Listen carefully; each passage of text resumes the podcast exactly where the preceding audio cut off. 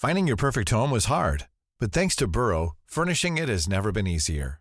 Burrow's easy to assemble modular sofas and sectionals are made from premium, durable materials, including stain and scratch resistant fabrics. So they're not just comfortable and stylish, they're built to last. Plus, every single Burrow order ships free right to your door. Right now, get 15% off your first order at burrow.com slash ACAST. That's 15% off at burrow.com slash ACAST.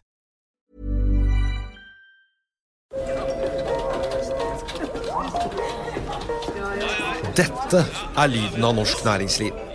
Akkurat nå tas det små og store valg som kan bli avgjørende for fremtiden. Med økonomisystemet X-Leger tas disse beslutningene basert på informasjon i sanntid, slik at drømmer og ambisjoner kan bli virkelighet. Få kontroll og oversikt. Gå inn på xledger.no. Denne sendingen er sponset av Xleger.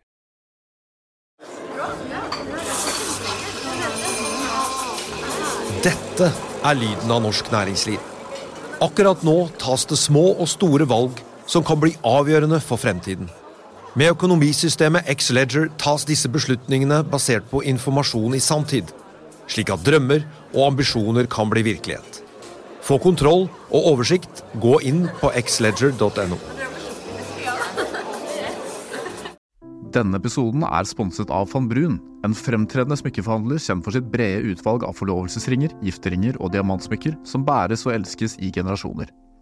Et frieri er en av de største øyeblikkene i livet, hvor forlovelsesringen er et tidløst symbol på kjærligheten.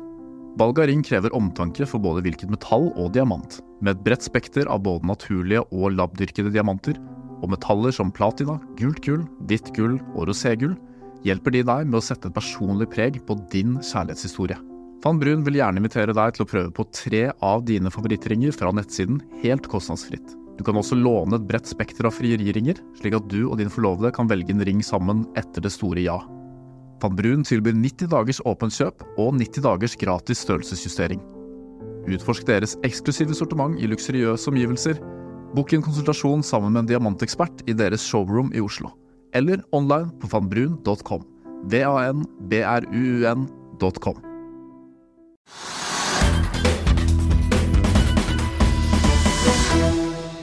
Velkommen til denne spesialepisoden får vi si, her fra oss i FA-TV fra Arendalsuken. Vi skal nemlig nå straks få besøk av sjefen i oljefondet, Nicolai Tangen, som er ute med sine tall. I første halvår økte altså fondet helt vanvittig mye, med 2870 milliarder til 15.299 milliarder. Litt nesten den gang, men riktignok en saftig avkastning da etter at fondet tapte ganske mye i fjor. 1500 av disse milliardene kommer fra avkastning, 389 er innskudd fra staten som følge av oljeinntekter, og nesten 1000 av disse 2870 milliardene kommer av en svekket eh, krone. Vi spurte Nicolai Tangen både om hvordan markedene er, om eh, han nå kanskje justerer litt på durasjonen i rentepapirene igjen etter fjoråret, og om hvorfor han er så opptatt av kunstig intelligens. Her er intervjuet vårt med Nicolai Tangen. Med en introduksjonsvideo med både børsuro, økte renter, et mulig kupp mot uh, Putin og også får vi si kunstig intelligens, Nicolai Tangen, så sparket dere i oljefondet i gang eh, presentasjonen av resultatene her i dag. En liten tallslipp i går kveld som veldig mange av mine kolleger i mediebransjen var veldig artig og kastet seg over tallene. Men nå har dere lagt det frem på ordentlig. Eh, det som kanskje slår meg aller mest, er jo de enorme svingningene. En ting er at fondet har blitt enormt stort. Men eh, som du selv pekte på, da du sto her i fjor, så var fondet ned 14% 1500 milliarder ut. Nå har avkastningen vært omtrent 1500 milliarder, pluss innskudd fra oljenæringen. Driver dere litt sånn folkeopplysning og politikerutdanning for å gjøre folk og politikere vant til at uh, dette er også tross alt hverdagen, at det er så mange milliarder inn opp og ned hele tiden? Ja, uh, det er jo litt det vi gjør. Det er viktig å fortelle at dette fondet kan gå opp og ned.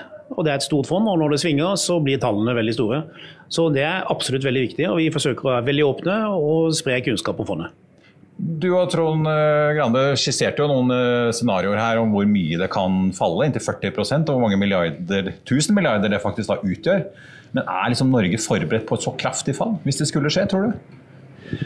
Det er jo to ting å si om det. Nei, på den ene side så er vi jo ikke det. For det er jo, jo veldig, det er en veldig stor skrell i så fall. og det er en stor reduksjon i fondet, men samtidig så er det ganske imponerende hvor langsiktige nordmenn er. Og nordmenn forstår at ting går opp og ned. Det er imponerende, og det tror jeg går helt tilbake til vår fortid som eh, fisker og fangstmenn. At noen år var det bra, og så var det noen år som var dårlige. Det sitter litt i blodet der, altså.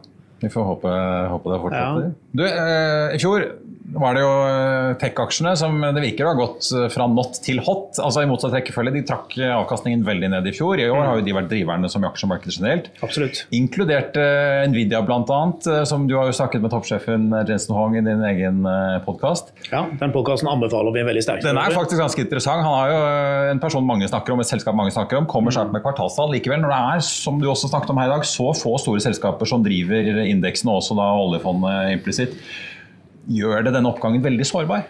Ja, Det er vanskelig å si, men du kan si ja, den totaloppgangen vi hadde i år på, på aksjene våre, så var det 900 milliarder cirka, som kom fra teknologisektoren.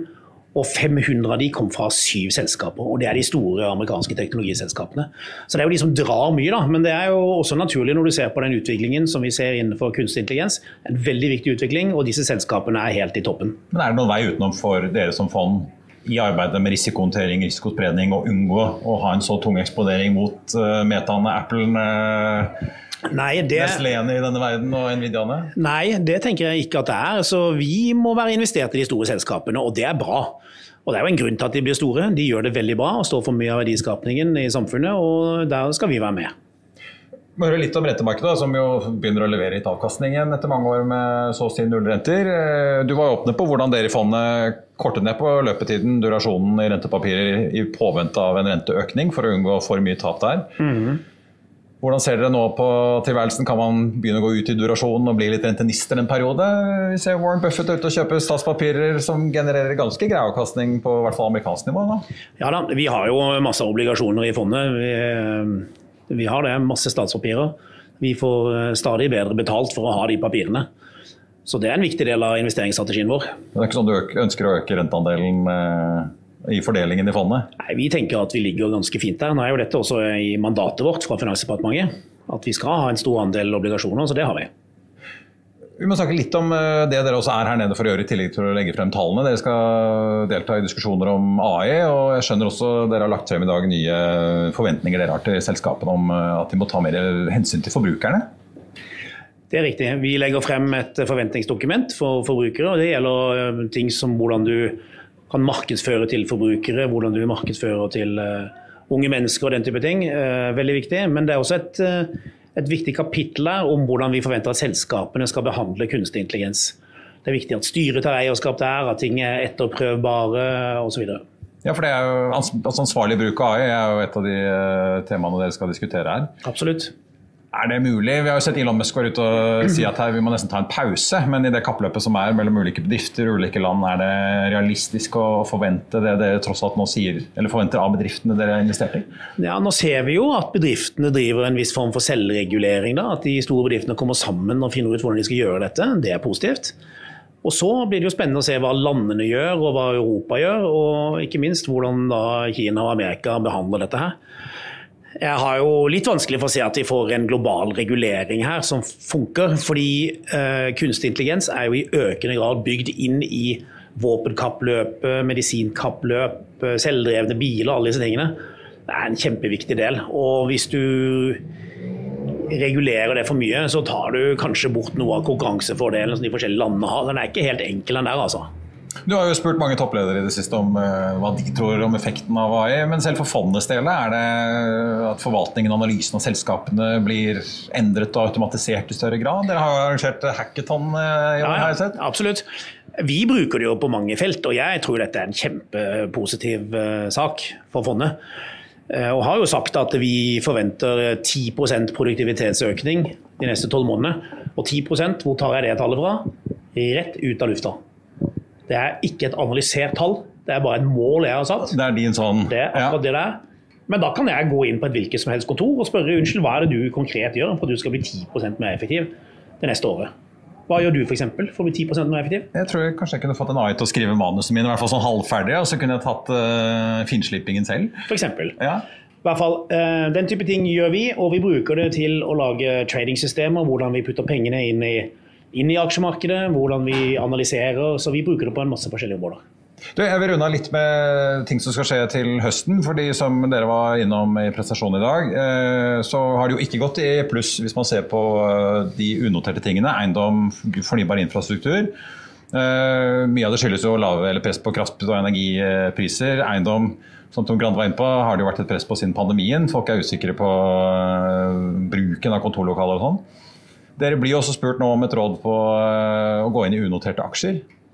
Hvordan ser dere generelt, hvis vi bare tar det som en, en, en fordeling, da, notert versus unotert, i en verden hvor rentene øker, vi kanskje får eh, en resesjon eller mer uro, er det da mer risikabelt å sitte i alle disse unoterte tingene, selv om det i fondet selvfølgelig ikke er en veldig stor andel av eh, beholdningen? da? Ja, Vi tenker vel egentlig uh, ikke det. Men uh, nå holder vi jo på med å utgreie dette med, med unoterte aksjer, såkalt private equity. Og Vi gjør en grundig jobb her, ser på fordelene og ulempene. og Så skal vi da skrive brev til Finansdepartementet, som kommer ut i uh, slutten av november. Og så vil, vi, uh, så vil jo denne saken da behandles. Men vi er ikke ute på en måte og debatterer dette her i offentligheten mens vi holder på med den prosessen. Det føler vi er, er feil. Hvis man ser på den eh, unoterte fornybare infrastrukturdelen, da har vi jo sett hva som har skjedd med mange av prosjektene i denne sektoren. Mye utsettelser, mye kostnadsøkninger. Ja. Mange prosjekter blir ikke noe av, inkludert Equinors Trollvind eh, utenfor kysten av Bergen. Eh, føler dere et press fra politisk hold på at dere må sette penger i dette her, selv om lønnsomheten kanskje ikke er den samme som dere hadde forventet ellers? Nei, det er det vi egentlig ikke gjør. da, fordi Dette her kom inn i mandatet vårt for noen år siden. Og så følte vi at avkastningen her var veldig lav. Og at det ikke var et godt tidspunkt å putte masse penger inn. Så vi holdt litt tilbake her. Og var egentlig ganske gjerrige på hva vi ville betale, for dette er jo norske folks penger. De skal vi ikke eh, kaste ut av vinduet. Så vi eh, gjorde ett prosjekt, og så har vi gjort to små prosjekter eh, så langt i år. Men vi har på en måte holdt litt tilbake. Men nå, nå ser det potensielt litt mer attraktivt ut, og det er veldig positivt. Fordi du kan komme inn på lavere kurser? Kan komme ja. inn potensielt på bedre nivå, ja. Nikolai Tangen, jeg vet du har en veldig hektisk dag på programmet her i Arendal. Tusen takk for at du tok eh, turen innom. Takk skal du ha. Og Det var det vi hadde i denne bonusepisoden. Vi er tilbake igjen med Børsmorgen 08.55 i morgen og også Økonominyhetene 14.30. Og det kommer også en spesialepisode i morgen ettermiddag, fordi det er jo da rentemøte hos Norges Bank her i Arendal for anledningen da i morgen på torsdag. I tillegg til Ida Wolden Bakke så skal vi også høre fra Sparebanken Sør, som er vertskap for oss her i Arendal. Vi skal også høres med deres nye sjeføkonom og banksjefen selv. Vi skal snakke med Norwegian-sjef Geir Karlsen, og også sjefen i Ikea Norge for å ta tempen på norske forbrukere. Så det er bare å følge med. Du finner oss som alltid på f1.no-tv, eller hvis du søker opp Økonominyhetene der du hører på podkast. Mitt navn er Marius Lorentzen. Ha en riktig god onsdag alle sammen, og så ses og høres vi igjen i morgen.